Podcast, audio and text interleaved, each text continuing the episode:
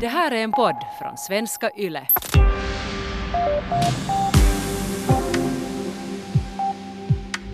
Tidigt på morgonen onsdagen den 24 februari inledde Ryssland en fullskalig invasion mot sitt grannland Ukraina. Omvärlden fördömer och ser på i chock. Du lyssnar på nyhetspodden. Jag heter Simon Karlsson och med mig har jag Utrikespolitiska institutets ledande forskare Charlie Salonius Pasternak. Välkommen Charlie. Tack, tack. Um, den här invasionen kommer efter flera veckor av förhandlingar och efter ett aggressivt tal av Rysslands president Vladimir Putin i måndags. Vad vet vi idag om varför Putin har inlett den här invasionen?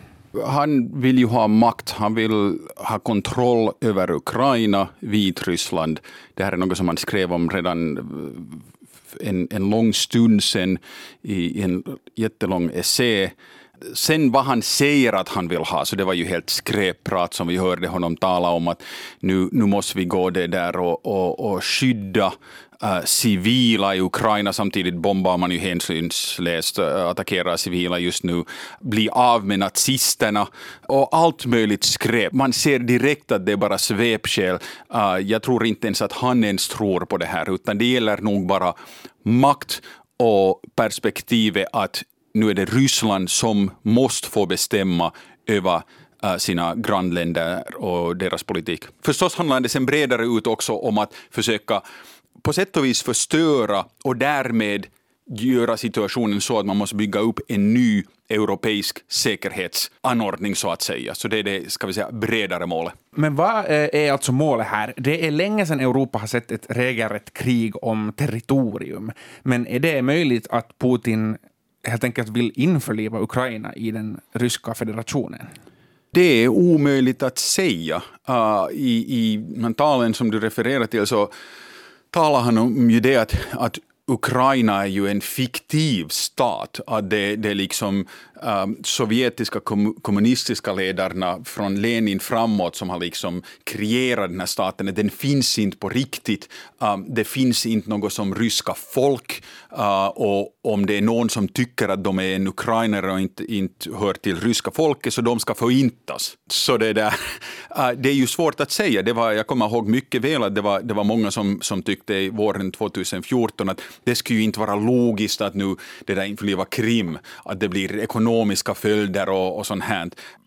Men inte bryr ju sig Putin om det här. Han, han, han ser det här i en stor historisk kontext. Och då om Ryssland försvagas ekonomiskt lite nu under nästa 5-10 år så är det ingen skillnad om han går i ryska historieböckerna tillsammans med Peter den stora och, och Stalin och Lenin med mera. Ryssland invaderar klockan 5.55 på onsdagsmorgonen med anfall från flera väderstreck, eh, inklusive från Belarus i norr. Och det här följdes av rapporter under dagen om missilattacker och trupper som framskrider och så vidare.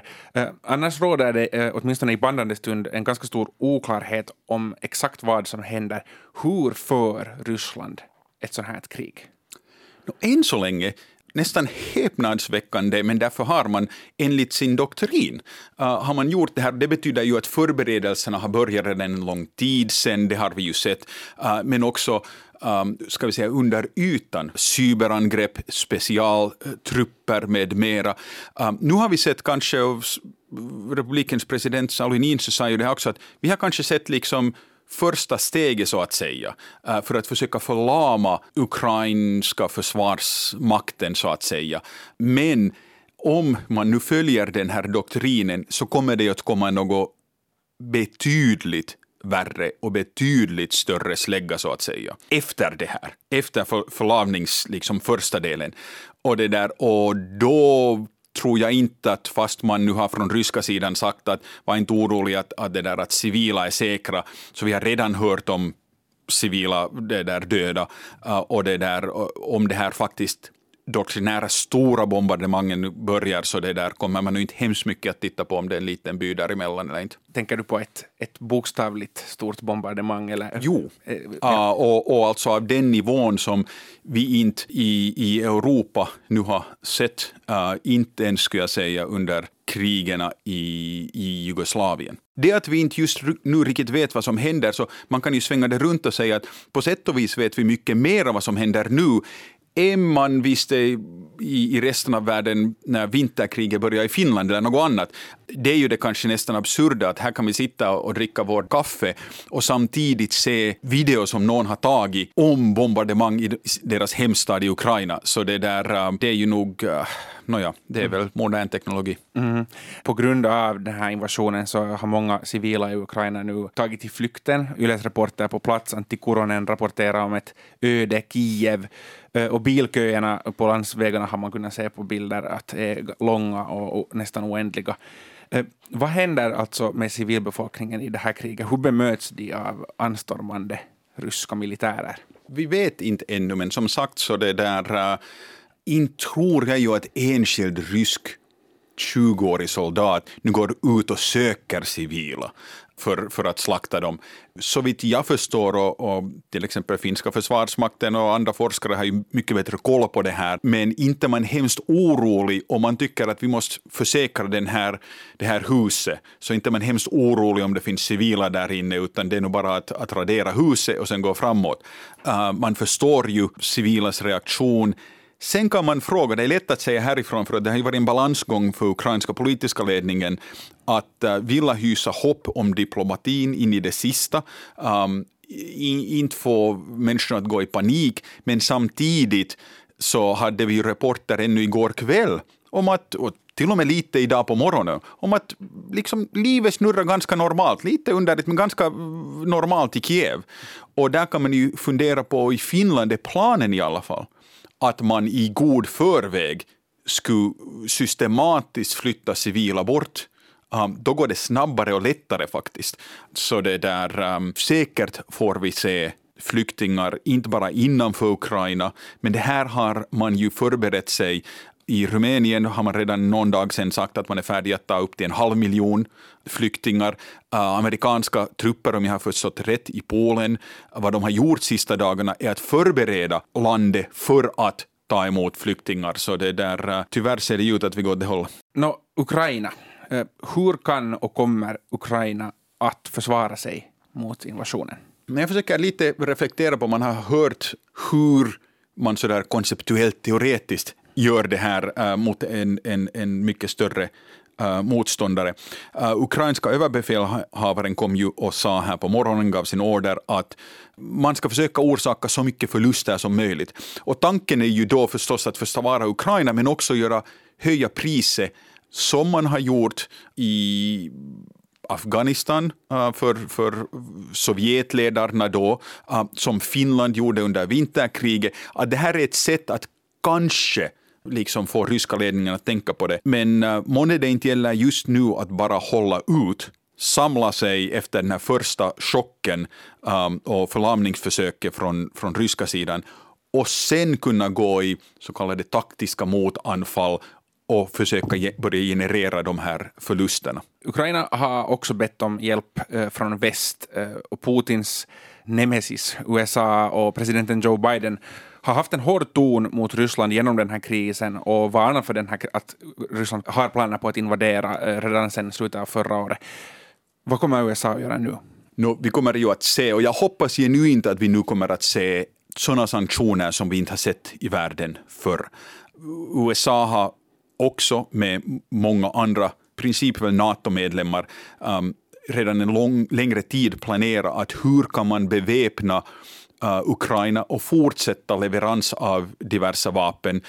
Uh, på sätt och vis skulle man ju kunna tänka sig att det kan ju vara lättare genom, genom NATO-medlemmen Polen och med mera uh, som delar en gräns med Ukraina. Men så man har funderat på det här. Och jag tror att USA bilateralt kommer också att fortsätta och kanske öka uh, mängden av underrättelseinformation man ger. Men det har ju president Biden sagt att amerikanska uh, liksom militärtrupper skickas inte här måste vi komma ihåg dock att för, för en stormakt som USA, så det att skicka enskilda officerer, till exempel till ukrainska högkvarteret för att just hjälpa med underrättelse och sånt, det räknas ju inte i, i USA. Um, hemskt länge sa man i, i Syrien att det, det, finns no boots on the ground, det fanns några tusen amerikanska soldater där. Så, så vi får se, vi, vi hör säkert under dagen vad USA och, och vi andra kommer att göra. Men eh, vi ska inte då tro att det i nuläget åtminstone är aktuellt med ett krig mellan USA och Ryssland? Absolut inte. Och här måste man ju säga att stormakterna har sedan no, kärnvapnen genuint kommit i, i bruk ordentligt, har ju varit oerhört bra på att se till att de inte hamnar i situationer.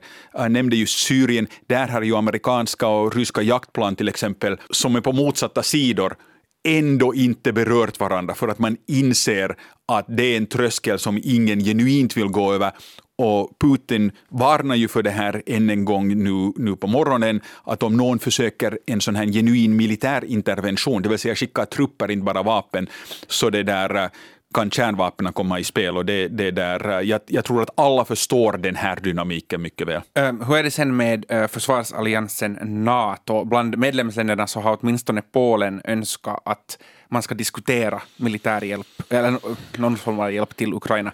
Vad kan NATO göra i det här läget? Jag tror att det säkert den humanitära biten. Uh, varför inte också hjälpa med att ta hand om skadade soldater, det vill säga sjukhus, sjukvård, sånt här, vapenleveranser.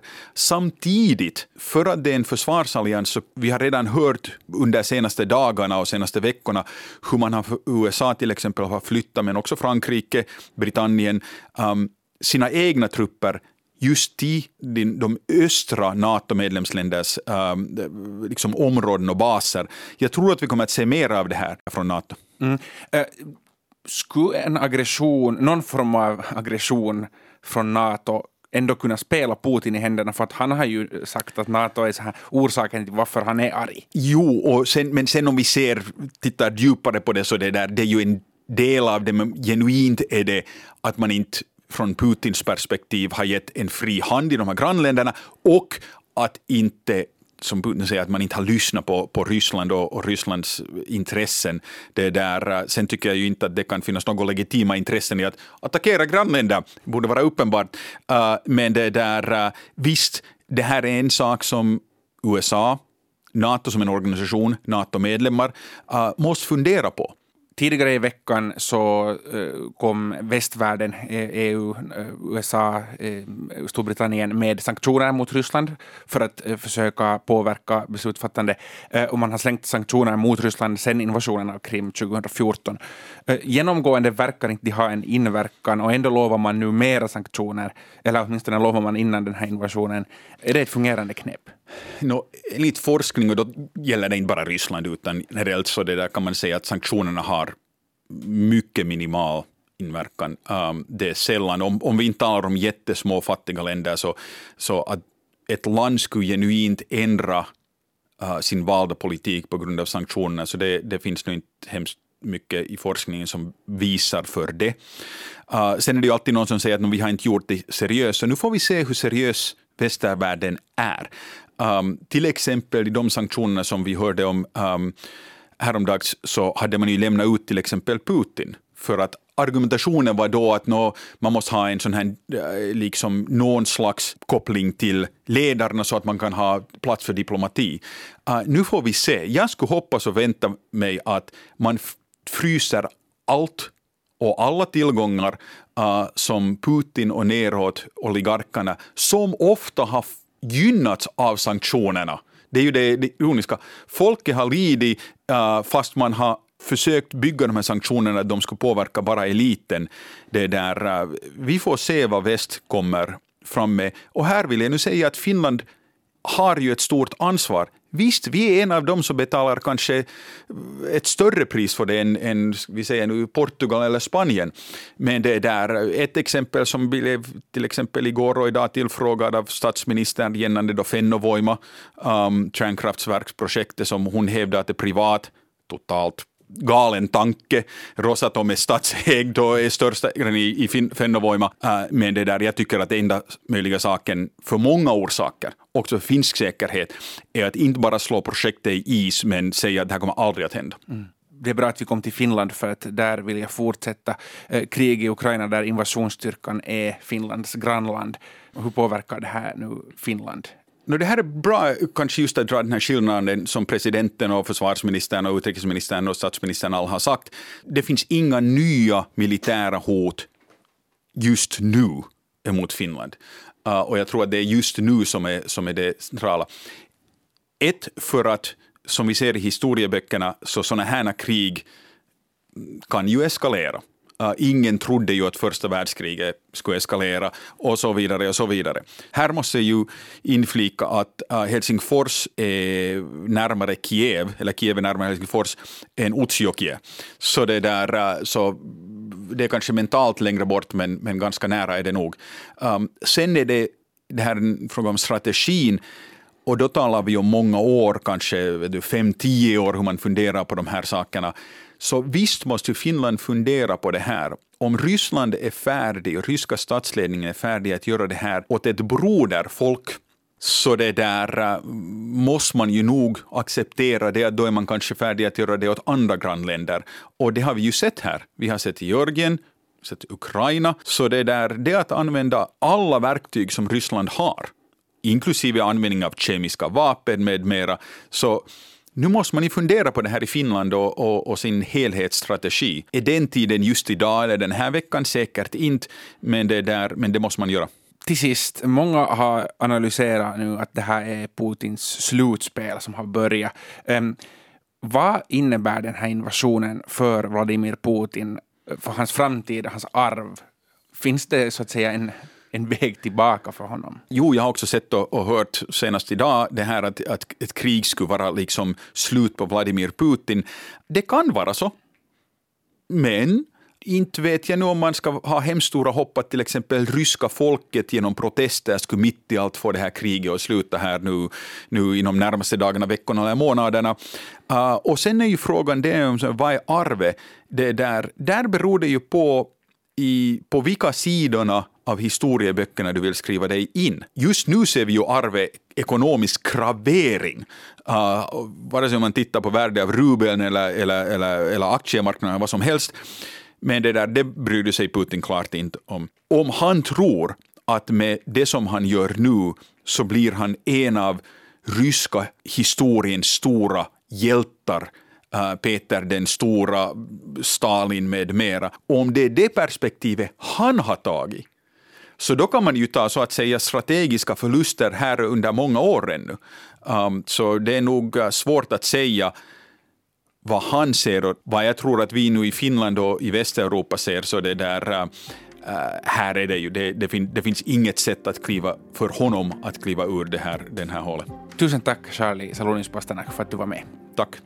Jag heter Simon Karlsson och producent för det här programmet var Ami Lassila och tekniken sköttes av Anne Heikkilä.